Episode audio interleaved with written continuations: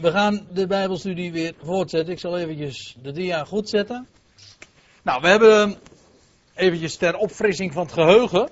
De, in de eerste samenkomst twee schriftgedeelten gelezen met elkaar. Of twee hoofdschriftgedeelten. Eerst uit 1 Korinthe 15, waar Paulus het een en ander vertelt over de verhouding tussen de twaalf en Paulus. En dat hij als laatste gekomen is.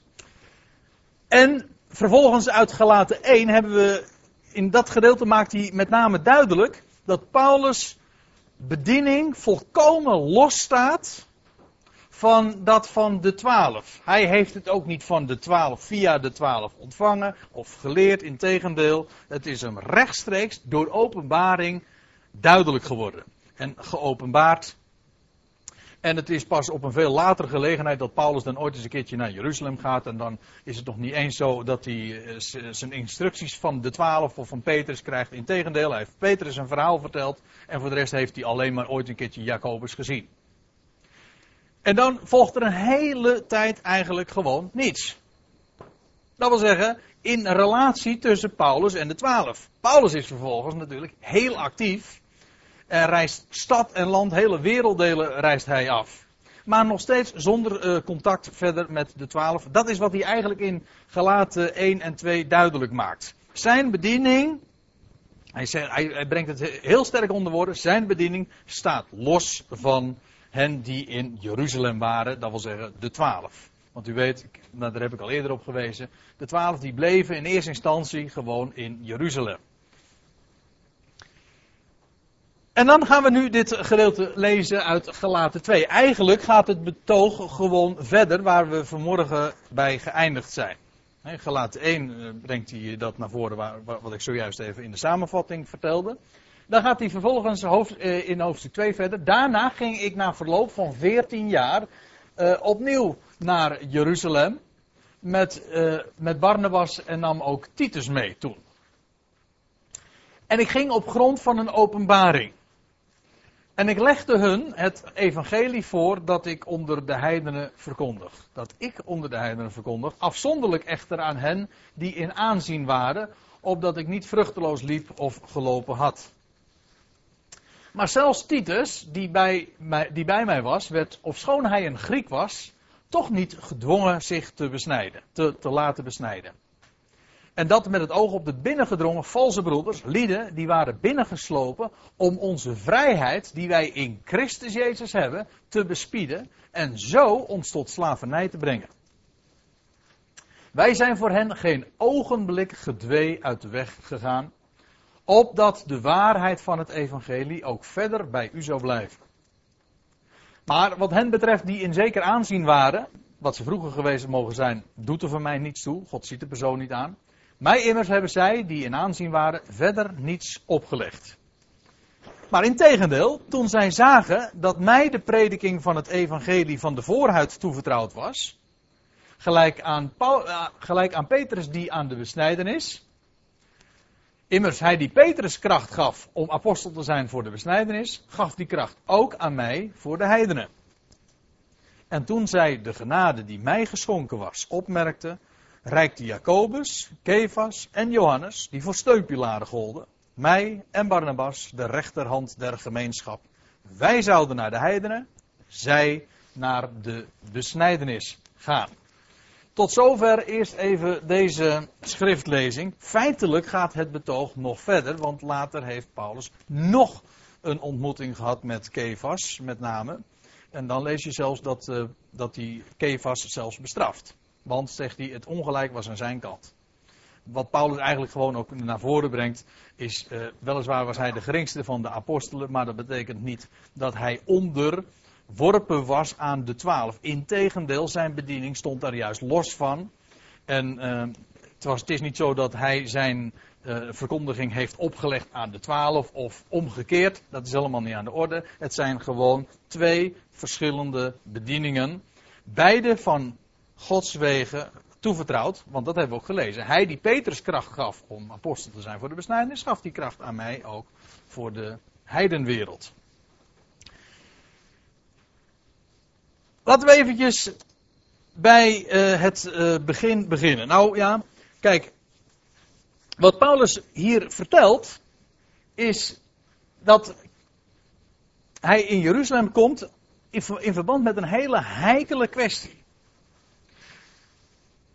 Paulus had in de heidenwereld het evangelie verteld. Maar nu waren er valse broeders binnengedrongen. Die hadden verteld dat zij, die gelovigen uit de heidenen, zich ook aan de Joodse gebruiken zouden moeten onderwerpen. Als zij, nu hoorden ze bij het volk van God, dat was de redenering. Nu hoorden jullie bij het volk van God. En dat betekent dus ook dat jullie de gebruiken van de wet moeten uh, gaan houden. De Sabbat vieren en meer speciaal wordt er dan ook de besnijdenis genoemd. Ze, zij leerden ook gewoon dat iedere gelovige zich behoort te laten besnijden. Want dat was namelijk de, de wet die God aan het volk had gegeven. Dat was de gedachte. En Paulus is daar radicaal in. Hij zegt, het, hij schrijft ook, het waren valse broeders. Hij zegt, die de vrijheid die wij in Christus Jezus hebben, gewoon bespieden. En het staat ook haaks op het evangelie wat hij vertelde, want hij predikte het evangelie van genade en ook van vrijheid. Daar kom ik eh, straks nog eventjes op. Maar goed, uh, daar was het dus een, een, kwestie en er wordt een vergadering, een conferentie of een congres of een synode of nou ja, een concilie, kan, kan je ook nog zeggen, werd daar belegd in Jeruzalem. Je leest daarover in het boek Handelingen ook. In Handelingen 15 is een hoofdstuk dat uitgebreid uh, ook een verslag doet van de vergadering waar Paulus hier ook aan refereert. Alleen Paulus belicht het vanuit zijn optiek, zal ik maar zeggen. Opmerkelijk dat hij dan zegt in vers 6, maar wat hen betreft die in zeker aanzien waren, hij doelt hier gewoon op die hij later noemt de steunpilaren. Jacobus, Petrus, Johannes, de twaalf. Hij zegt, nou wat ze vroeger geweest mogen zijn, doet er voor mij niet toe. God ziet de persoon niet aan. Hij schrijft over hem, over gewoon hen die met de Heer gewandeld hebben. De twaalf, die, eh, die eh, een aanzien hadden, gewoon ook op grond van het feit dat zij ooit discipelen waren geweest van Jezus zelf. Maar ziet u ook hoe hoe Paulus er feitelijk neerbuigend hierover schrijft. Hij zegt, nou wat hen betreft die in zeker aanzien waren. Wat ze vroeger geweest mogen zijn, doet er voor mij niets toe. Dat ze de discipelen waren, oké, maar hij zegt, God ziet de persoon niet aan. Mij immers hebben zij die in aanzien waren, verder niets opgelegd. Maar in tegendeel. Ze konden Paulus ook niets opleggen, want Paulus' bediening was, stond daar helemaal los van. Hij, het was hem door Jezus Christus had zichzelf op hem, uh, aan hem geopenbaard op een veel later tijdstip. En uh, wat Paulus dan zegt van, ze hebben mij niets opgelegd, integendeel. Want feitelijk is het zo, dat niet Paulus, maar zij die in zeker aanzien waren, de twaalf dus, zij waren beperkt. Niet Paulus werd ingeperkt, of Paulus was beperkt. Nee, zij waren beperkt in bepaalde opzichten zelfs. Qua boodschap. Zij waren gefocust op Israëls bekering. Dat was de beperking van hun boodschap. Qua werkterrein. Zij waren gericht tot de besnijdenissen. Zo heet dat. Uh, als u een statenvertaling hebt, kunt u het ook zo lezen. In de, in de MBG-vertaling is het wat, uh, wat ja, wat eigentijdser Nederlands eh, weergegeven. Maar het wordt dan genoemd de besnijden. Zij die besneden zijn, oftewel het volk eh, van Israël. Hun boodschap was beperkt, gericht op Israëls bekering. Hun werkterrein was beperkt, namelijk gericht, uh, alleen de besnijdenis. En vervolgens ook hun levensstijl, maar daar komen we straks nog eventjes over te spreken. Op, nog wel tijdens de, deze bijeenkomst ook qua levensstijl. Zij leefde strikt naar de gebruiken van de wet. Paulus bij gelegenheid ook, maar later, uh, we lezen ook dat Paulus dat uh, bepaald niet uh, strikt deed. Integendeel, Paulus was wat dat betreft heel echt, die leefde echt in de vrijheid. Die was de Jood en de Jood, de Griek en een Griek en die onder de wet waren als onder de wet. Ook daar kom ik straks nog even op terug. Punt is nu eventjes dat niet Paulus is beperkt, maar de twaalf, die waren beperkt. Israëlitisch bezig, qua boodschap, qua werkterrein, qua levensstijl. Strikt Joods. Dan moeten we, daar wil ik e- even op voortbeduren, naar aanleiding van wat Paulus dan ook zegt. Hè? Want daar zegt hij in vers 7, maar in tegendeel, toen zij zagen dat mij de prediking van het evangelie der voorhuid toevertrouwd was, gelijk aan Petrus die der besnijdenis. Als u een MBG-vertaling hebt, zult u het anders lezen. En dat is een hele fundamentele kwestie. Ik wil daar graag eventjes heel goed ook de nadruk op leggen. Als u een MBG-vertaling hebt, dan, leest u hier. Maar in tegendeel, toen zij zagen dat mij de prediking van het evangelie. En dan staat er hier, bij het pijltje. Aan de onbesnedene, aan de voorhuid toevertrouwd was. Gelijk aan Petrus, die aan de besnijdenis. Maar dat staat er niet. Er staat niet het evangelie dat Paulus het evangelie aan de voorhuid was toevertrouwd. Maar het evangelie van de voorhuid. U zegt, wat is dat voor verschil? Nou, dat is een gigantisch groot verschil. Want in het ene geval is het zo dat Paulus hetzelfde evangelie bracht als de twaalf. Alleen een andere doelgroep. Dat Paulus zich alleen richtte tot de voorhuid. Dus degenen die niet besneden zijn. Zeg maar gewoon de natieën, de heidenen. En Petrus die brengt het evangelie aan de besnijdenis. Dat is een verschillende doelgroep. Maar één en dezelfde boodschap zou dat zijn. Terwijl, als je in de Statenvertaling, in de Telosvertaling, daar staat gewoon goed. En dat is namelijk exact zoals Paulus het ook hier formuleert. Toen zij zagen dat mij de prediking van het evangelie van de voorhuid toevertrouwd was. Gelijk aan Petrus die van het evangelie van de besnijdenis. Dus hier worden twee verschillende evangeliën genoemd. Ja, ik weet het. Ook, ik, ik had het al eerder. Eh, ja, dat heb je. Als je Bijbelstudie doet, kom je op hele onorthodoxe frasen en uitdrukkingen en terminologie uh, uit. Dat kan niet missen. Ja, dat kan ik ook niet helpen. Als je zegt van. Uh, ja, nou, we hadden het vanmorgen al even over de verzoening der wereld. Uh, nu, nu, lezen we dit weer. Hè, dat, er, dat Paulus het evangelie van de voorhuid bracht. En terwijl Petrus uh, het evangelie van de besnijdenis had, was toevertrouwd. Twee verschillende evangeliën. Het is niet zo dat Paulus het evangelie van de besnijdenis had en, en Petrus het evangelie van de voorhuid. Nee, heel specifiek. Paulus was het ene evangelie toevertrouwd en Petrus het andere evangelie. Fundamenteel is dat hetzelfde, maar daar hadden we het al over. Natuurlijk. En in die zin kun je zeggen, er is één evangelie. Maar hier wordt, dat is, daar is geen ontkomen aan, en dat kun je proberen weg te vertalen. Er wordt hier gewoon gesproken over twee verschillende evangeliën. Twee verschillende boodschappen. Kan niet genoeg benadrukt worden. Want het is niet zo dat Paulus en Petrus gewoon in wezen hetzelfde, uh, dat, ze, dat die hetzelfde boodschap brachten. En dat ze dus eigenlijk gewoon ook door elkaar heen uh, gehuzzeld kunnen worden. En dat je het Nieuwe Testament, maar daar kom ik straks nog even op, dat je het Nieuwe Testament zo kunt lezen dat, het, dat je eigenlijk helemaal geen aandacht hoeft te geven aan de adressering. Of dat je geen aandacht hoeft te geven aan degene die het geschreven heeft. Dat dat geen verschil zou maken. Ja, dat maakt wel degelijk verschil. Want wat we hier dus feitelijk vinden, is dat we in het Nieuwe Testament, ja ik heb nu een Bijbel in mijn handen, maar in het Nieuwe Testament ook, dat we daar verschillende boodschappen vinden. Eén, uh, je vindt daar het evangelie van de besnijdenis, je vindt daar ook het evangelie van de voorhuid. Dat is wat er staat.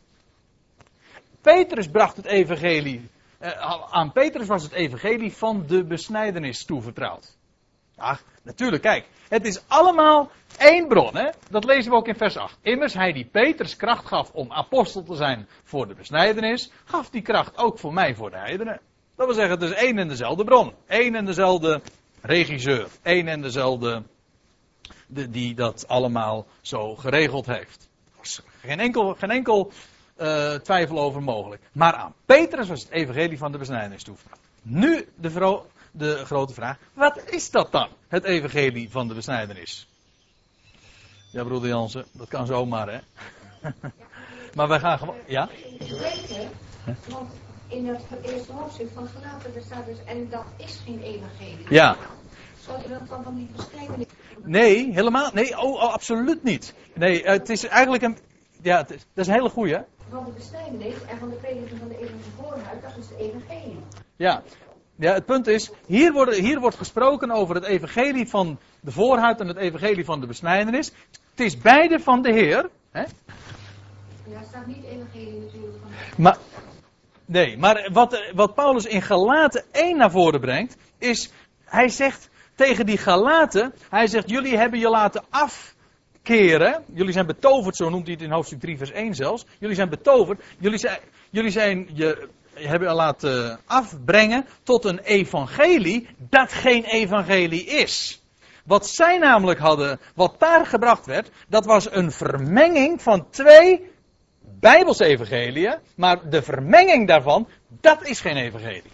Paulus zegt dus het evangelie van de besnijdenis, alles tot je dienst, het is gewoon van Gods wegen, is dat gewoon gegeven. Namelijk aan de besnijdenis, bestemd voor Israël. Zoals God aan de heidenwereld ook de boodschap heeft gegeven van het evangelie van de voorhuid. Op beide zijn van de Heer zelf. Dat zegt hij hier. Maar als je die twee gaat vermengen, dat gebeurde in Galaten, want in Galaten, dat was een heidense landstreek, daar had Paulus het evangelie gebracht. En wat was er nou gebeurd? Daar ging men, daar waren mensen gekomen die het evangelie van de besnijdenis aan heidenen gingen vertellen.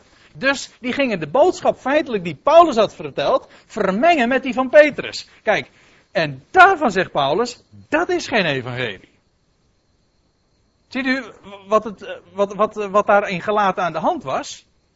Het is dus allemaal goed, maar je moet wel op zijn plaats laten. En op het moment dat je het evangelie van de besnijdenis aan heidenen gaat vertellen, ja, dan krijg je, daarvan zegt Paulus, dat is geen evangelie en dan wordt hij zoveel. Op het moment, de, er is niets mis met de besnijdenis, maar als je aan, heidenen gaat vertellen, jullie moeten je laten besnijden, of jullie moeten de Sabbat houden, of weet je veel wat, dan zegt hij, dan wordt hij zo uh, radicaal. En dan zegt hij van, dat is een evangelie en daar spreekt hij zelfs zijn anathema over uit dat is inderdaad een vloek. Dat is echt een vloek. Nou, dus, dat, dat is, maar dat is nog een. Ja? Sorry? Ja, dat is het ook zo. Dat is ook zo. Dat mengevangelie, dat is eigenlijk nu. Ja, sorry dat ik, dat ik het hard zeg. Dat mengevangelie, dat is nu eigenlijk gewoon. Uh, dat is de kost die je voorgeschoteld krijgt. Over het algemeen. Namelijk, men zegt gewoon: er is geen verschil tussen Paulus en Petrus. En men vermengt dat gewoon. En men heeft een beetje Paulus en een beetje Petrus. En men, en men ziet het onderscheid niet. En wat je, het resultaat is. Geen, dat is geen evangelie. Dat is geen evangelie. En dat is inderdaad een vloek. En wat je. Dat is maar niet eh, een of andere bandspreuk of zo. Magisch. Nee, zo werkt het ook echt. Ga maar na. Waar die boodschappen vermengd worden, dan heb je geen evangelie meer. Daar heb je geen evangelie dat er werkelijk uitknalt van louter genade. Echt niet. En dan heb je, dan ben je twee dingen kwijt. Dag broeder Flip.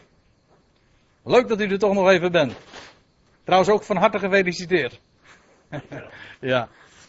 Broeder Flip Verheul is uh, vannacht opa geworden, heb ik begrepen. Toch? Voor de vierde keer. Voilà. Nou. maar we, wij zijn toch alvast begonnen, maar ja. Goed zo. Oké, maar dat is dus wat, wat Paulus naar voren brengt. Die twee, uh, die moet je niet vermengen, hè? Oh ja, waar, uh, nee, dat is wat ik uh, wilde vertellen.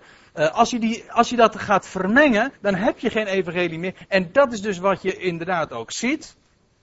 Wanneer je dat onderscheid niet erkent, dan wordt er geen blijde boodschap, louter genade meer gezien en verkondigd. En dat is funest. Het is zo geweldig om, om, om inderdaad die boodschap van, van Paulus te, te zien. En, uh, en, om daaruit te leven van louter genade. Want dat is niet alleen een boodschap waardoor je tot geloof komt, tot die erkenning, maar om ook helemaal uit te leven. Maar laat, dat laat je geen juk opleggen. Vervolgens van besnijdenis of sabbat enzovoort. Want dat is gewoon funest. En dat niet alleen hoor. Maar want op allerlei manieren blijkt gewoon dat als je het onderscheid niet ziet. Dat de wet weer een rol gaat spelen en dat mensen iets opgelegd krijgen.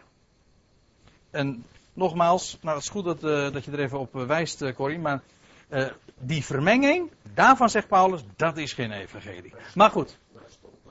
In Galaten 1, vers, uh, dat moet uh, ongeveer vers 6 zijn.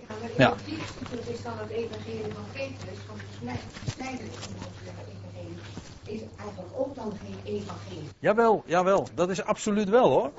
Ja, jawel. Hè? Het staat ook in hoofdstuk, ik lees dat hier in uh, ja. hoofdstuk 2, 11. Uh, toen heb je die beest dat hele stuk gaat daarover dat, dat Peter, dat, uh, dat uh, Paulus Peters bestraft. Ja. Omdat op een gegeven moment door de valse ingesloten broeders, dat hij, uh, dat hij, laten we zeggen, van maakt. Klopt. Ja, en dan is het Paulus die. Ja, dan is het Paulus die Petrus corrigeert. Inderdaad, nou trouwens, dan in dat geval ook vanwege de huigelarij. Want dan zegt hij van, hoe, hoe kunt gij, die Joods zijt, heidenen dwingen zich Joods te gedragen, als je zelf niet eens je houdt aan, aan, de, aan de gebruiken. Want dat was eigenlijk wat er aan de hand was. Nou, ik, ik stel voor dat we dat eventjes laten rusten. Ik wil eventjes terugkeren naar, naar wat hier staat. Hè. Aan Petrus was het evangelie van de besnijdenis toevertrouwd. Waarna vervolgens de vraag zich opdringt. Wat is dat dan, hè, dat evangelie van de besnijdenis? En uh, ik kan geen mooier uh, voorbeeld geven dan, dan Petrus zelf aan het woord te laten. Petrus aan het woord te laten. En in hoofdstuk 3 van de handelingen, daar lees je een betoog dat, Paulus heeft dat Petrus heeft gehouden op het tempelplein. Dat is uh, kort na de Pinksterdag waarschijnlijk geweest.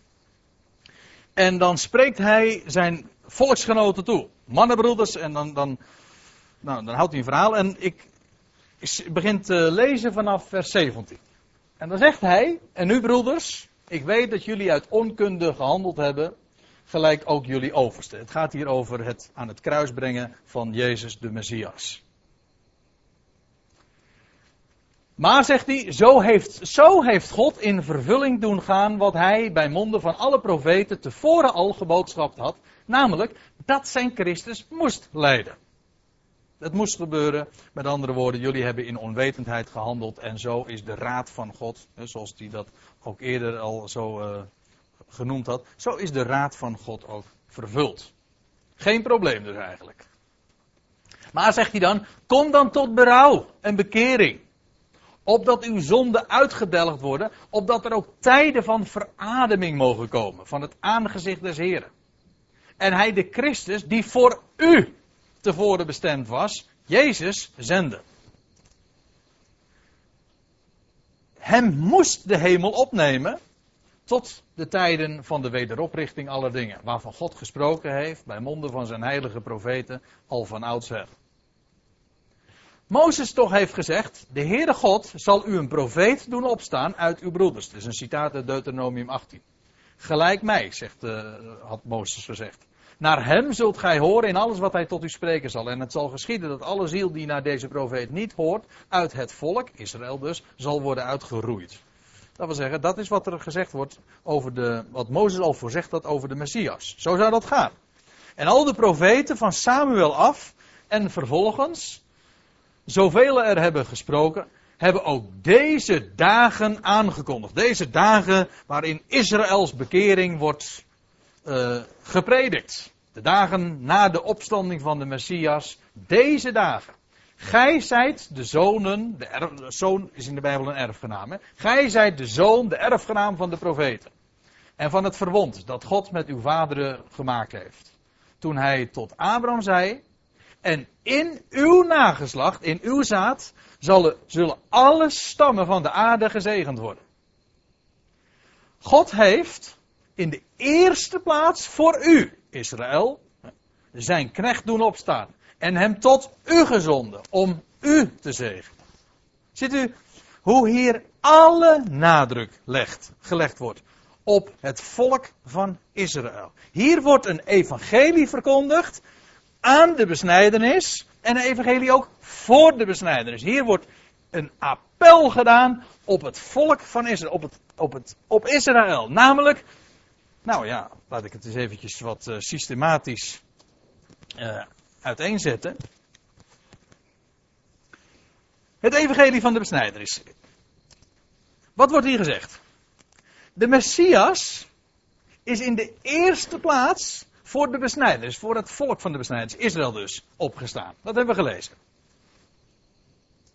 In de tweede plaats betekent het evangelie van de besnijdenis dat als Israël zich bekeert, dan zal de Messias terugkeren. Wat Petrus daar op het tempelplein vertelt, gewoon toen, hè, bijna 2000 jaar geleden. Als jullie je gaan bekeren, en daar roept hij toe op, hij zegt dan zal de Christus terugkeren en dan zal hij Jezus, dan zal God Jezus zenden. Met als gevolg, dan zullen ook tijden van verademing aanbreken. En dan zullen de woorden van de profeten worden vervuld. Kortom, het koninkrijk zou openbaar worden over deze aarde. Het Messiaanse rijk zou aanbreken. Dat wil zeggen, de Messias is er al. Dat is wat Petrus predikt. En wat er, waar het nu wachten op is, is de bekering van Israël. Want als Israël zich bekeert, dan, dat is gewoon de Bijbelse, uh, dat is gewoon de hele Bijbelse gedachte die je overal weervindt. Als, de, als Israël zich bekeert, dan zal de Messias ook terugkeren. En inderdaad, hier op aarde, in Jeruzalem zelfs, of vanuit Jeruzalem, zal hij zijn koninkrijk openbaren. Het is allemaal evangelie dat aan Israël gepredikt wordt. Evangelie der besnijdenis. Petrus was inderdaad dit toevertrouwd. En niet alleen aan Petrus, de anderen verkondigden dit ook. Maar Petrus was, u weet het, de, de woordvoerder daarvan. En via Israël zullen alle volkeren der aarde gezegend worden. Dat, dat is wat Petrus dus ook voorhoudt. Hè? Hij zegt, jullie zullen dan ook als jullie tot bekering komen, dan zullen jullie voor alle volkeren der aarde gesteld worden tot een zegen. Dus via jullie gaat het heil dan naar de heidenwereld. Als jullie je bekeren, dan zal heel de volkerenwereld daarin delen. Uh, nou, ik, al eerder deze dag is uh, eventjes vanuit de zaal werd er gewezen op van Jeruzalem zal de wet uitgaan. Hè? Van Zion zal de wet uitgaan en des Heren woord uit Jeruzalem. Staat er in Jezaja 2. Nou ja, hoeveel profeet, profetieën zou ik moeten aanhalen? Tientallen, zo niet honderden zou je kunnen laten zien waar dat staat. Israël, een bekeerd Israël, en dat gesteld wordt tot, tot de na, in de navel der aarde, in het centrum van de aarde. En vanuit Israël zal de zegen overvloeien naar heel de volkerenwereld. Nou, dat is evangelie van de besnijdenis. Dat is een, kijk, ik wil er met nadruk bij zeggen, dat is evangelie hoor. Dat is absoluut, dus het is niet waar wat ik zojuist even hoorde, of ik bedoel dat niet als een beschuldiging of zo, maar dat dat geen evangelie, dat dat geen evangelie zou zijn, dat is een evangelie. En dat werd in die dagen ook gepredikt. Aan Israël, voor Israël, via Israël. Dat is het evangelie van de besnijdenis. En ja, je vindt dat in het Nieuwe Testament op vele plaatsen. Kijk, en dan staat er in vers 9, van, uh, nou gaan we weer naar de, even terug naar Galaten. Dan lees je, en toen zij, dat wil zeggen de, de mannen daar in Jeruzalem, en vooral de representanten die hier ook genoemd worden, en toen zij de genade die mij geschonken was, schrijft Paulus, toen zij de genade die mij geschonken was opmerkte, reikte Jacobus, Kefas, en Johannes. Wat vindt, u wat vindt u opvallend van deze volgorde? Ja, Jacobus, uh, Peter staat op de tweede plaats. Opvallend is ook, Jacobus staat vooraan. Ja, ja, staat vooraan. Het is de, de vader van de twaalf, zal ik maar zeggen. Jacob. Uh, Jacobus, Kevers en Johannes. Nou, wat vooral opvalt, is gewoon dat dit gewoon de volgorde is van de Bijbelboek ook. Hè? Jacobus, Petrus, Johannes. Je hebt de brieven van Paulus. En uh, nou, in het origineel staan ze trouwens, eh, staan de brieven van Jacobus, Petrus en Johannes daarvoor, maar dat, dat laat ik nu even rusten. Het gaat er eventjes om dat uh, de brieven van Jacobus, Petrus en Johannes staan in deze volgorde, ook in de Bijbel. Gewoon ook, dat is ook gewoon goddelijk gearrangeerd hoor, dat kan niet missen. En dat, Paulus noemt dat hier zo. En daarmee is in wezen ook, dit is, dit is tevens ook, introduceert ons ook in, in de kanon van het Nieuwe Testament, die, dat Nieuwe Testament is maar niet willekeurig samengesteld. Nee, het is ook inderdaad gegroepeerd naar inhoud. Want, nou, ik lees even verder. Toen zijn de genade die mij geschonken was, opmerkte, reikte Jacobus, Kefas en Johannes, die voor steunpilaren golden, mij en Barnabas, de rechterhand der gemeenschap. Wij zouden naar de heidenen, zij naar de besnijdenis gaan. Nou, het gaat me nu eventjes om wat ik vet gedrukt heb. Jacobus, Kefas, Johannes, die me heel officieel, rechterhand der gemeenschap, het is afgesproken, zij richten zich met het evangelie der besnijdenis, niet aan de besnijdenis, van de besnijdenis, met het evangelie van de besnijdenis, zij richten zich tot de besnijdenis. Zodat je dus in één klap ook ziet, dat als je die brieven dus eh, in het Nieuwe Testament nagaat, dan heb je de brieven van Paulus en dan kom je, en als je die dan gehad hebt, dan krijg je de brief van Jacobus en dan krijg je de twee brieven van Petrus en dan krijg je drie brieven van Johannes, nog een klein briefje van Judas trouwens daartussen, die een broer was van, ja, en van Jacobus, zo van Jacobus. En sluit trouwens direct, eigenlijk is het een appendix van 2 Petrus, maar goed. Um, en dan vervolgens het laatste Bijbelboek, ook van Johannes. Dus gewoon de Bijbelboeken in deze volgorde: Jacobus, Petrus en Johannes. En die richten zich tot de besnijdenis. Dat zijn dus met recht besnijdenisgeschriften. Dat kan niet missen. Jacobus, Petrus en Johannes richten zich tot de besnijdenis. Niet tot de heidenwereld. Nee, met het evangelie van de besnijdenis richten ze zich tot de besnijdenis. Staat hier, zwart op wit, officieel is dat gewoon zo ook afgesproken. Het is onvoorstelbaar, ik vind het onvoorstelbaar dat hier overheen gelezen wordt, dat men daar niet naar luistert, terwijl de Bijbel zelf ons deze sleutel aanraakt. En dan, kijk, je moet altijd, als je iets, eh, als je iets ziet, dan eh, is het altijd handig als je dan ook nog een double check doet. Hè? Zo noemen ze dat dan. Als je het nog eens een keertje uh, nagaat. Klopt dat inderdaad? Nou, A, het staat hier zwart op wit. Het is dus niet onze conclusie, het staat er zwart op wit. En het is dan zo mooi. Maar dat blijkt dan altijd, als, je, als het goede spoor is, word je daar ook weer, altijd weer in bevestigd. Want ga maar na in die geschriften van Jacobus, Petrus en Johannes. Zij richten zich inderdaad tot de besnijdenis. Echt waar. En uh, dat, dat kun je gewoon zien. Trouwens, als we even nog even teruggaan, dan is het niet alleen zo dat Jacobus, Petrus en Johannes zich richten tot de besnijdenis. Ook de Heer Jezus in de Evangelie deed dat. Ook dat is heel onbekend. Meestal maakt men de indeling, je hebt, het Oude, Testament, je hebt het Nieuwe Testament. En het Oude Testament is gericht tot Israël, en het Nieuwe Testament is voor de kerk. Nou, forget it. Zo is dat niet. Dat is een hele andere indeling. In de Evangelie richt de Heer Jezus zich heel uitdrukkelijk tot Israël. En als er dan een, een keertje een heidense vrouw komt bij hem, weet je wat hij dan zegt? Dit. Toen was hij in Cana. Nee, niet Cana, hij was in Cana. Uh, zeg ik het goed? Nee, nee, ik zeg niet goed. Nee, sorry. Ik, nou, ik, ik zit nou uh, een beetje de dingen door elkaar te halen. Uh, Cana was het niet, het was de Canaanese vrouw, dat wel, ja. um, hè? Ja, precies, in het, in, boven Israël was die. Ja, het, grens, het was grensgebied boven Israël. In elk geval, dan komt daar zo'n heidense vrouw bij hem en dan ehm, doet, dan doet ze aanspraak op hem. Ik geloof dat ze hem ook dan zoon van David dan noemt. Maar daar blijf ik even vanaf. Het gaat hem eventjes namelijk om het antwoord dat de Heer dan geeft. En dan zegt hij, hij echter antwoordde en zei tot hem, ik ben slechts gezonden tot de verloren schapen van het huis Israëls. Niet tot de natieën, niet tot de heidenwereld. Ik ben slechts gezonden tot de verloren schapen van het huis Israëls. Hij voegt er nog iets aan toe. Hij zegt, het is niet goed als het brood van de kinderen, dat wil zeggen het brood van de kinderen Israëls, gegeven wordt aan de honden. Dan weet je meteen, weet meteen wat wij zijn. Hè? Ja, heidenen zijn gewoon honden. Dat was, dat was de wijze, de optiek vanuit, uh, vanuit Israël, zeg maar. Zij waren, zo, uh, zij waren de kinderen en, en de heidenwereld, ja, dat waren de, waren de honden. Onrein. Dat zegt de Heer Jezus. Het is niet goed als brood van de kinderen aan, aan hondjes gegeven. Dat doe je toch niet? En uh, die vrouw die geeft een geweldig antwoord natuurlijk. Hij zegt zeker, maar er vallen toch wel eens een keertje kruimeltjes van de, van de tafel, zegt die vrouw dan. Dat mogen we dan toch oprapen. En, dat, en dan zegt de Heer van, groot is je geloof, vrouw.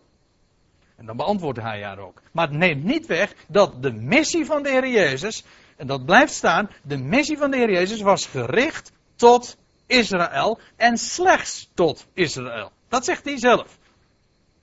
Heel uitdrukkelijk slechts gezonden tot de verloren schapen van het huis Israël. In dat kader moet je dus ook de evangelie lezen. De Heer Jezus richt zich daar niet tot de gemeente of tot de heidenwereld. De Heer Jezus spreekt daar op basis van de Tenach, wat, die, wat de Joden ook als geschriften van God hadden ontvangen, de woorden Gods die hen waren toevertrouwd, en spreekt hij hen aan en hij was gezonden tot het huis Israëls. Romeinen 15 vinden we dat ook bevestigd. We vinden het op allerlei manieren bevestigd.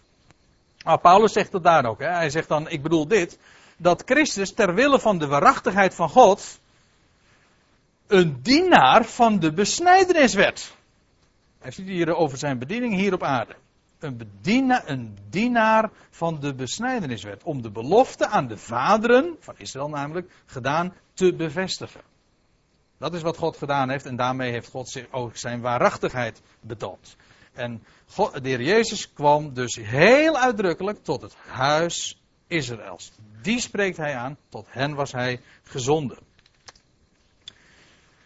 En de twaalf die hij getraind heeft, die hij onderwijs gegeven heeft, die heeft hij exact dezelfde missie gegeven. Hij zegt, ja, dat had hij al gezegd, gelijk de Vader mij gezonden heeft, zo zend ik ook u. Zo was het toch? Nou, dat vind je dus ook inderdaad in die brieven dus vervolgens weer spiegeld. Voor zover we geschriften van de twaalf hebben, en dat zijn er in de praktijk maar drie. Hè, de geschriften van Jacobus, Petrus en Johannes. Waarbij ik Jacobus even gemakshalve bij de twaalf reken. Niet helemaal terecht, maar goed. In Jacobus 1. Kijk het maar na in hun brieven.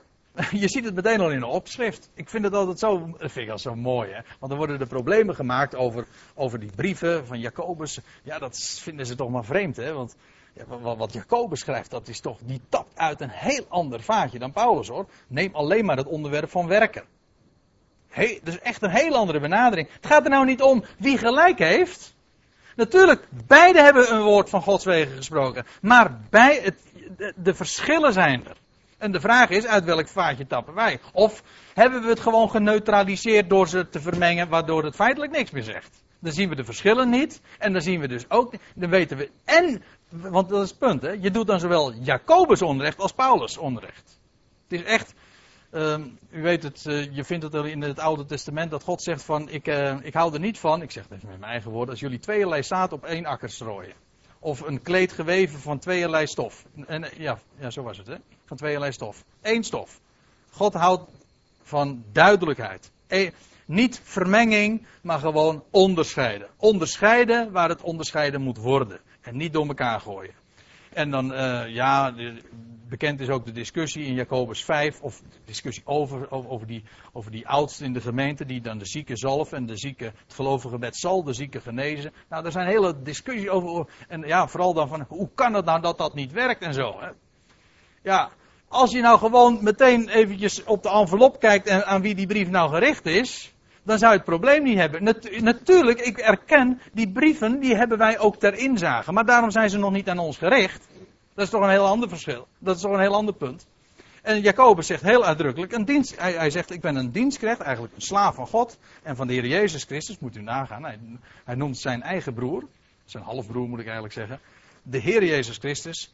En dan zegt hij, uh, ik schrijf aan de twaalf stammen in de verstrooiing. Dat wil zeggen, hij schreef wel aan hen die in de heidenwereld zich bevonden, dat wel.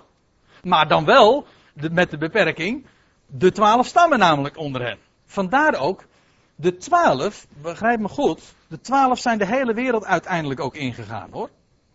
De hele wereld, zijn, dus zijn de ganse schepping gaan prediken. Je vindt het trouwens ook in de ongewijde geschiedenis terug.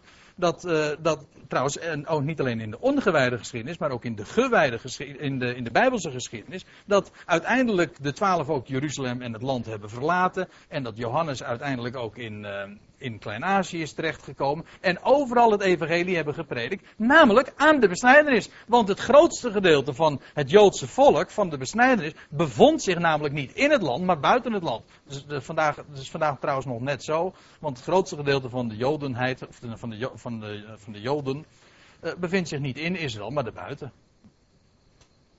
En dat was toen ook al zo, verstrooid onder alle volkeren. Nou, Jacobus die schrijft een brief. En uh, wat je al had mogen verwachten op basis van uh, wat we in Gelaten 2 lazen, vinden we ook hier gewoon keurig in zijn brief vermeld. Ik, ik schrijf een brief en ik richt dat aan de twaalf stammen in de verstrooiing. Waarvan akte. Doe je het niet? Nou, dan uh, zit je zelf met de brokken. Ja, echt waar. En het is een geweldige brief, maar het staan op de plaats waar het geplaatst is. Petrus, idem dito met een sterretje zou ik aan zeggen. Want dan schrijft Petrus, een apostel, is de aanhef meteen, hè? is gewoon de adressering. Petrus, een apostel van Jezus Christus, aan de vreemdelingen die in de diaspora zijn. Dat staat er in het Grieks eigenlijk, de diaspora, u kent die term wel. Dat is een aanduiding voor de verstrooiing waarin de Joden zich bevinden. Ook Petrus schrijft een, dus een brief inderdaad aan hen die zich in de heidenwereld bevonden, maar niet de heidenen. Nee, het waren de heidenen in de verstrooiing. Want u weet, ja, eh, voor een, voor een deel was men verstrooid sowieso al, omdat het grootste gedeelte nu eenmaal buiten het land zich bevond. Maar ze waren ook al verstrooid, maar dat lazen we vanmorgen al, vanwege de vervolgingen in het land. Hè. Er zijn er ook vele uitgeweken naar het buitenland. Nou, hoe dat ook verder zij, Petrus richt een brief aan de vreemdelingen in de verstrooiing. Waarbij Petrus trouwens ook zegt van. Uh, gij, zijt een uitverkoren geslacht, een, een, een koninklijk priesterdom. Ja, dat waren gewoon regelrecht woorden die bestemd waren voor Israël. Ik kom er straks trouwens nog even op terug. Want uh, Johannes, uh, vinden we het ook. Ook Johannes richt zich tot de besnijdenis. Je leest in 3 Johannes, dat is een hele opmerkelijke uh, zinsnede. Opmerkelijk, ja, voor degene, als je eenmaal weet van dat ze zich richt tot de besnijdenis, is dit niet opmerkelijk meer. Maar het is toch wel iets wat het gewoon weer bevestigt. Kijk, dan schrijft Johannes over mensen die uitgegaan waren om het evangelie te vertellen. En dan zegt hij, zij zijn uitgegaan ter wille van de naam. En dan staat erachter, zonder iets van de heidenen aan te nemen. Dat wil zeggen, dat ging puur, dat was puur iets van de zaak van de besnijdenis. Ja, je kunt het nalezen hoor, in 3 Johannes vers 7. Dat geldt ook voor het laatste geschrift wat we in de Bijbel aantreffen, van, uh, in, het laatste geschrift van de Bijbel, ja. In, uh, maar ook het laatste geschrift van Johannes. Openbaring, openbaring 1. Daar lees je in, nou wat is het, uh, ik heb de versnummering er niet bij gezet, maar ik geloof dat het vers 4 of 5 is. Hij heeft ons gemaakt tot een koninkrijk, tot priester voor zijn God en Vader. Weet u wat, wat hij daarmee doet? Dat is dus dezelfde, dat is dezelfde soort zin die Petrus ook al uitsprak. In zijn brief. Maar wat, wat ze daarmee doen, is direct refereren aan wat God ooit tegen Mozes had gezegd. En wat Mozes tegen de Israëlieten moet zeggen. Lees het maar na in Exodus 19. Daar staat: Gij zult mij een koninkrijk van priesters zijn, een heilig volk. Een apart gezet volk. Dit zijn de woorden die gij tot de Israëlieten spreken zult. Kan niet missen. Gericht tot de besnijdenis. Dus op alle wijzen, het kan dus eigenlijk niet schelen of je nou via deze deur naar binnen gaat of via uh, de andere deur. In alle gevallen zien we exact dezelfde, uh, dezelfde uh, opzet, namelijk de opzet dat Jacobus, Petrus en Johannes het evangelie van de besnijdenis verkondigden en zich ook richtten tot de besnijdenis. Zij hebben de besnijdenis geschriften. Zijn ze niet kostbaar? Zijn ze voor ons niet van belang? Absoluut. En ik, ik, ik sta hier niet dus uh, ervoor te pleiten van, oh die geschriften kunnen we gewoon links laten liggen. Helemaal niet. Integendeel. Ik vind het geweldig waardevol. We hebben het bij uh, uh, genoeg gelegenheden ook gedaan om ze te bestuderen. Maar ik wil ze wel graag lezen in de setting waarin ze in de Bijbel ook geplaatst zijn, namelijk gericht tot de besnijdenis. En ik ben ervan overtuigd dat deze geschriften straks, na de wegrukking ook van de gemeente, in de eindtijd weer een bijzondere rol zullen gaan spelen. Dan zullen deze geschriften ook weer opnieuw actueel worden. Want dan is, deze, dan is de boodschap weer in de eerste plaats gericht op de Besnijdenis, ja.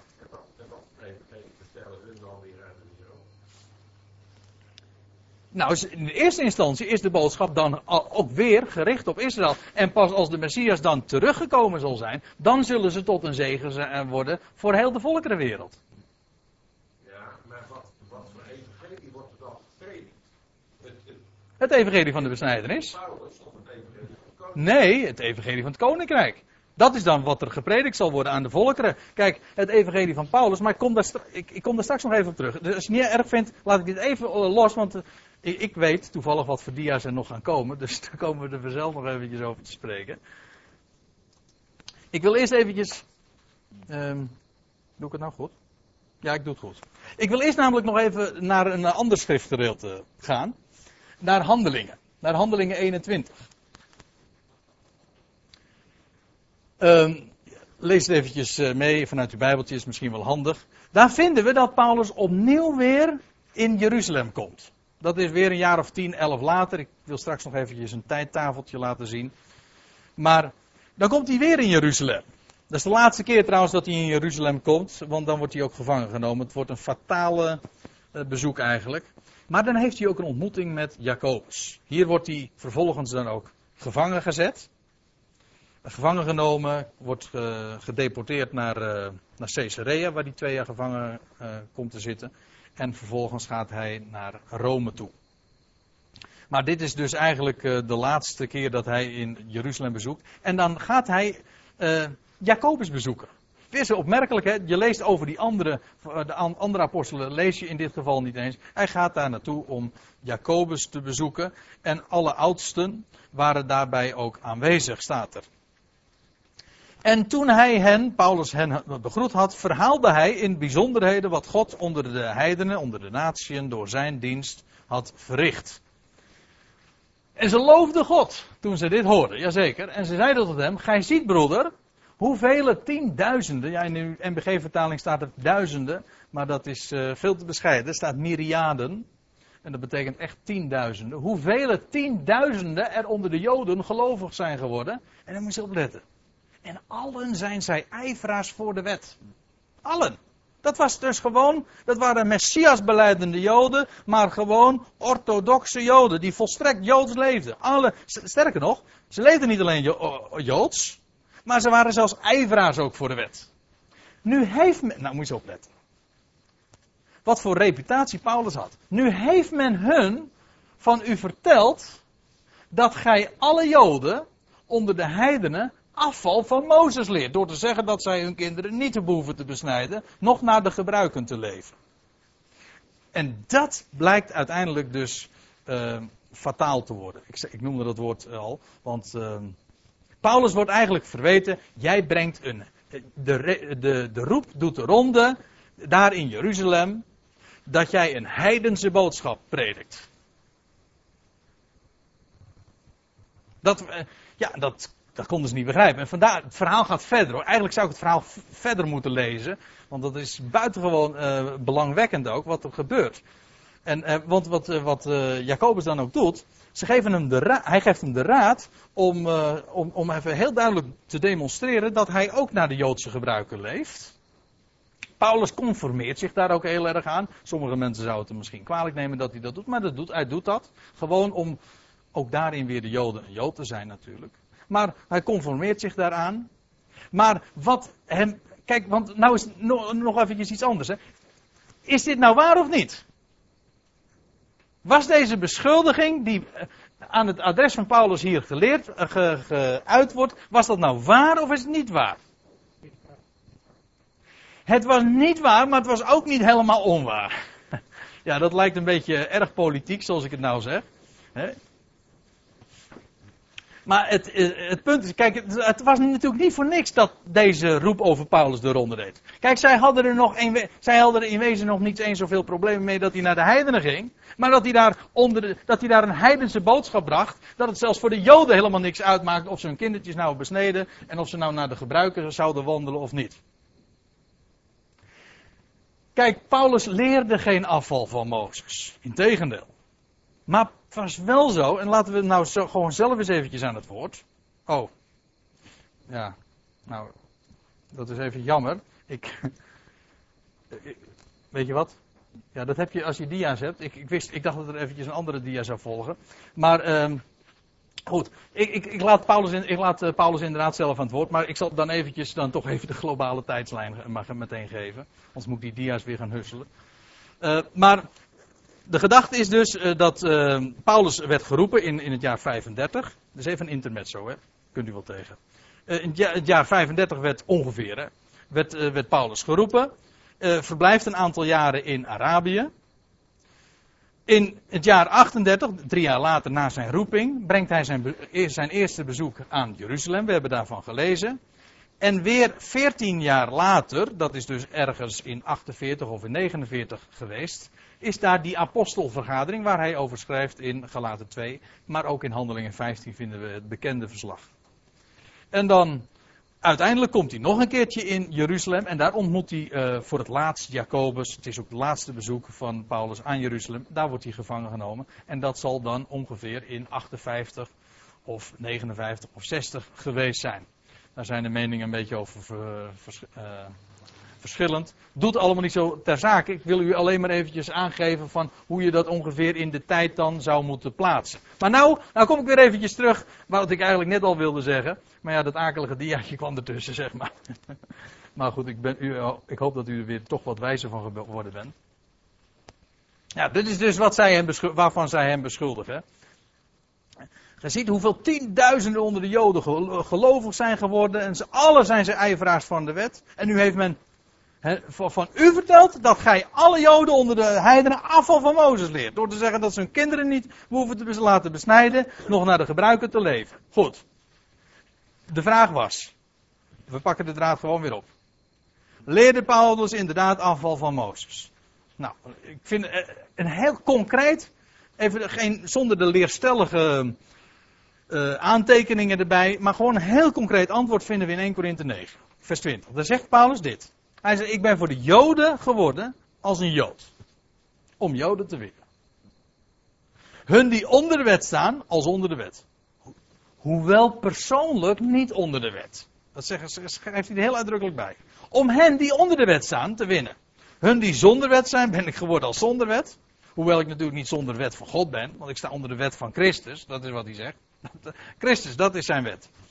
Om hen die zonder wet zijn te winnen, en daar gaat het nou maar om. Daarom heb ik het eh, plaatje van een uh, u kent het misschien moeilijk zien, het is een chameleon. En uh, sommigen vatten dat misschien negatief op, maar ik, ik, positief. Paulus zegt, alles doe ik ter wille van het evangelie. Paulus paste zich gewoon aan aan zijn omgeving. Hè? Dat is wat hij deed. En als hij in een Joods milieu kwam, leefde hij gewoon Joods. En als hij, dat is juist wat, maar daarom werd hij juist gevangen genomen. Want feitelijk, want wat er eigenlijk tot uitdrukking kwam, dat Paulus weliswaar zich aan de Joodse gebruiken hield, maar dat was louter pragmatisch. Gewoon strategisch, zeg maar. Om, om, hij deed dat ter wille van het evangelie, het heidense evangelie dat hem gewoon toevertrouwd was. Want dat was het verhaal. Ziet u, dat is een heel. Paulus stapte uit een heel ander vaatje dan Jacobus en die andere twaalf daar in Jeruzalem. Zij waren alle ijveraars voor de wet. Zij waren gericht op de besnijdenis. En Paulus, ja, die, die, daar, daar deden. Het gaat hier dus uitdrukkelijk over hen die gelovig geworden waren. Hè? En zij waren in zo'n. Uh, en uh, zij waren verontrust over Paulus. En ze hij, dat, is, dat is gewoon een heidense apostel, joh. Met een, met een heidense evangelie, een heidense leer. En feitelijk klopte dat ook. Dat is een ander verhaal. En Paulus zegt: Ik doe alles ter wille van het Evangelie. Alles. En daar wringt nu juist de schoen. En ik wil straks, en het is inmiddels twee uur en we gaan uh, weer opnieuw pauzeren. Ik wil straks graag uh, de punten nog eens een keertje goed op een rijtje zetten. Waar zitten nou echt de verschillen, zodat als u straks weggaat, dat u zegt van, ah, nou heb ik het allemaal wat uh, wat uh, goed in, in beeld. En dat je de, dingen ook scherp inderdaad kunt vergelijken. En aan de hand waarvan dat ook uh, geconcludeerd kan worden. We gaan een half uurtje pauzeren. En dan uh, stel ik voor dat we half drie hier weer